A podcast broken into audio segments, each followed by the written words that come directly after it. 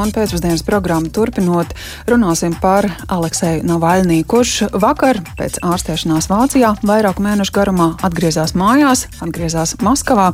Droši vien arī jūs redzējāt gan sociālajos tīklos, gan ziņu raidījumos to ažiotāžu, kas izraisījās lidostās, pat nācās mainīt nosēšanās vietu.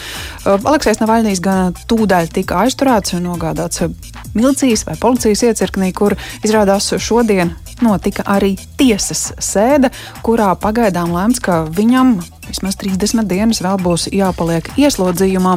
Par Aleksēna Navaļnī aizturēšanu, par viņa tālāko likteni pēcpusdienas programmā uz sarunu esam aicinājuši politologu Kārli Daugstu. Labdien! Sveicināti! Jā, patiesi tāda spriedzes pilna situācija ir izvērsusies, kur no vienas puses ir skaidrs, ka palikt trimdā Aleksējam Navaļnijam īsti nebija nedz izdevīgi, nedz acīm redzot, arī tas atbilda viņa paša pārliecībai. Zināms arī bija, ka atgriežoties Krievijā, viņš visticamākais tiks aizturēts. Kas Kremlim, jūsuprāt, šobrīd ir padomā? Grūti teikt, kas ir padomā, taču mēs varam redzēt eh, pilnīgu izmaiņu politiskajā landšaftā Krievijā. Jo beidzot un uh, nesistemātiskai, op, sistēmiskai opozīcijai ir radies pilnīgi jau, nu, nepilnīgi, ja nepilnīgi, bet ļoti skaidrs līderis, kurš orientējas uz prezidenta amatu faktiski. Un Navaļnijas kļūst par visas Krievijas opozicionāru, uh, nu, ja ne vadoni, tad karogu faktiski. Un uh, to dara arī pati vara. Faktiski viņu leģitimizē kā tādu politiski nozīmīgu uh, smagsvaru Krievijas politikā ar savu rīcību par faktiski Maskavas lidostu slēgšanu, ar, ar dažnādie, dažni dažādiem pasākumiem, ar pagrie, lidmašīnas pagriezieniem virs Maskavas uz mm. citu uh, lidostu un tā tālāk. Tur ir daudz detaļu faktiski. Taču uh, mēs redzam, ka Navaļnijas līdz uh, mēnesi, vienu mēnesi, protams, līdz tiesai faktiski. Jā. Tai uh, paliek apcietinājumā. Tas viņam, protams, ir ļoti smags uh, laiks un periods. Taču es šeit gribu saskatīt vēl vienu. Arī ir iespējama tālāka viņa izolācija. Varas iestādes un Puķina faktiski vara uh, ir viņu leģitimizējusi līdz tādai pakāpei, ka viņš kļūst par Puķina, tieši viņa personīgo, tā sakot, oponentu. Un tas ir ļoti skaļš pagrieziens Krievijas politikā. Nākošais jautājums ir par to, ko darīt tālāk varai.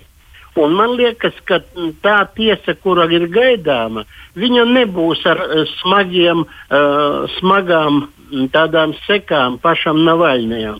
Domāju, ka tas būs mājas arests, kuras, rezu, kura rezultātā viņš tiks atslēgts no komunikācijas iespējām sakarā ar internetu atslēgumu vai arī citām visādām atslēgšanas uh, nosacījumiem, ko uzliks viņam tiesa.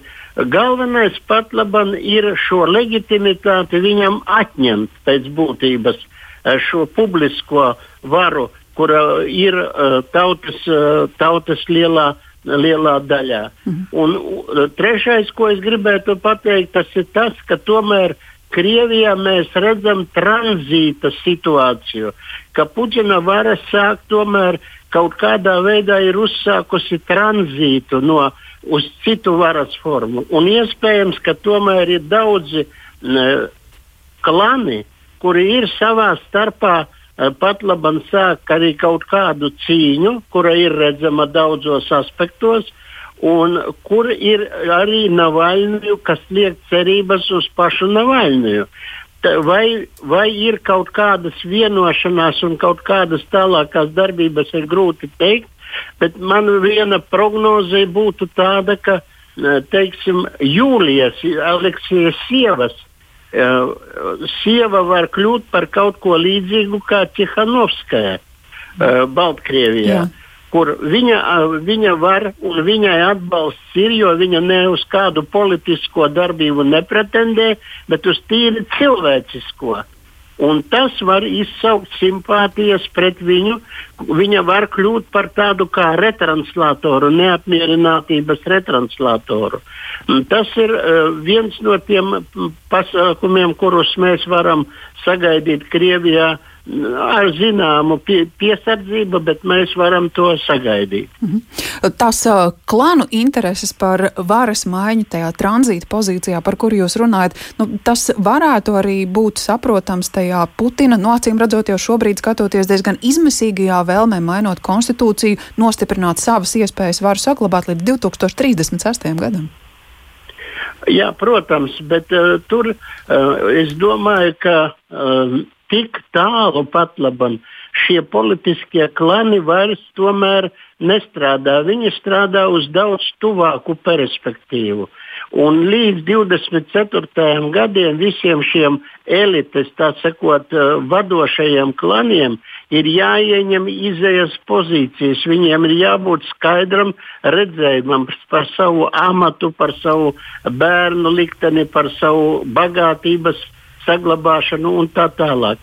Un ir iespējams arī, ka e, daudzi šie klani var arī izmantot Navaļnija principus e, un viņa darbību antikorupcijas laukā, e, lai arī radītu kaut kādus materiālus, kuri būtu kompromitējoši kaut kādām grupām. Savstarpējo arī ir iespējama speciālo dienestu savstarpējai uh, tā sakot, neusticībai, nekonkrētībai un darbības koordinācijas trūkums jau ir faktiski tā novērotājiem, vērotājiem politisko procesu jau ir redzams. Mhm. Dažādi, dažādi spēki darbojas bieži vien nesevišķi saprotami un nav vairāk tādas nu, milzīgas koordinācijas starp dažādiem um, slepenajiem dienestiem Krievijā. Uh, kas eh,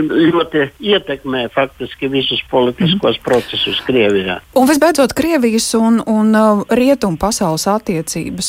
Šodien daudzu valstu vadītāji, arī Baltijas valstu vadītāji, tā skaitā starptautisko organizāciju vadītāji, ir aicinājuši Krieviju Navaļniju atbrīvot.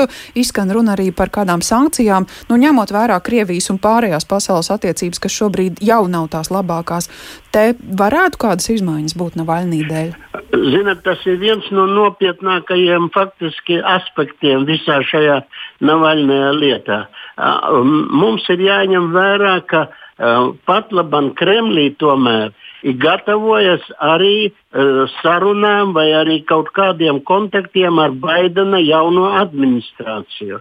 Baidena jaunā administrācija ir orientēta uz cilvēku tiesību aizstāvēšanu, uz vērtību diplomātijas pastiprināšanu, un tāpēc Navaļnē gadījums, protams, tas ir milzīgs uh, pat laban izaicinājums uh, šī uh, Krievijas ārējai politikai. Nevelti tikko Lavrovs ir izteicies par visām šīm problēmām, protams, savā stilā, taču ko darīt ar Baidena un Baidena nākošo pēc 20 datuma un kādā veidā uzsākt konsultācijas vai arī vismaz kaut kādus sakarus, tad Navainē gadījums faktiski ir ļoti traucējošs visai tālākai Amerikas Savienoto Valstu un Krievijas teiksim, sadarbības problēmām vai arī kaut kādām konsultācijām bruņošanās laukā, kas mm. ietver jau strateģiskos apsvērumus.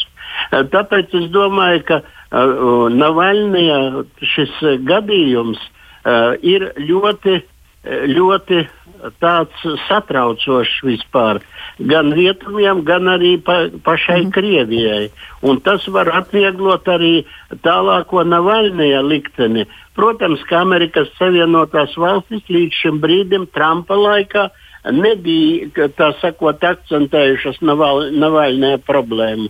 Tas bija vairāk Eiropas valstu darbības lauks. Bet pat labam, protams, ka Baidena administrācija šis gadījums var kļūt par ļoti tādu ierosinošu uh, darbību pret Krievijas. Mm ārpolitiku un pret Krievijas diplomātiju un pret Krievijas arī iekšējām norisēm. Paldies par šo komentāru, saka politologam Kārlim Daugstam par Alekseja Navaļnī atgriešanos Krievijā, par viņa aizturēšanu, par Rietumu un Krievijas sastarpējām attiecībām runājām pēcpusdienas programmas šajā pusstundā.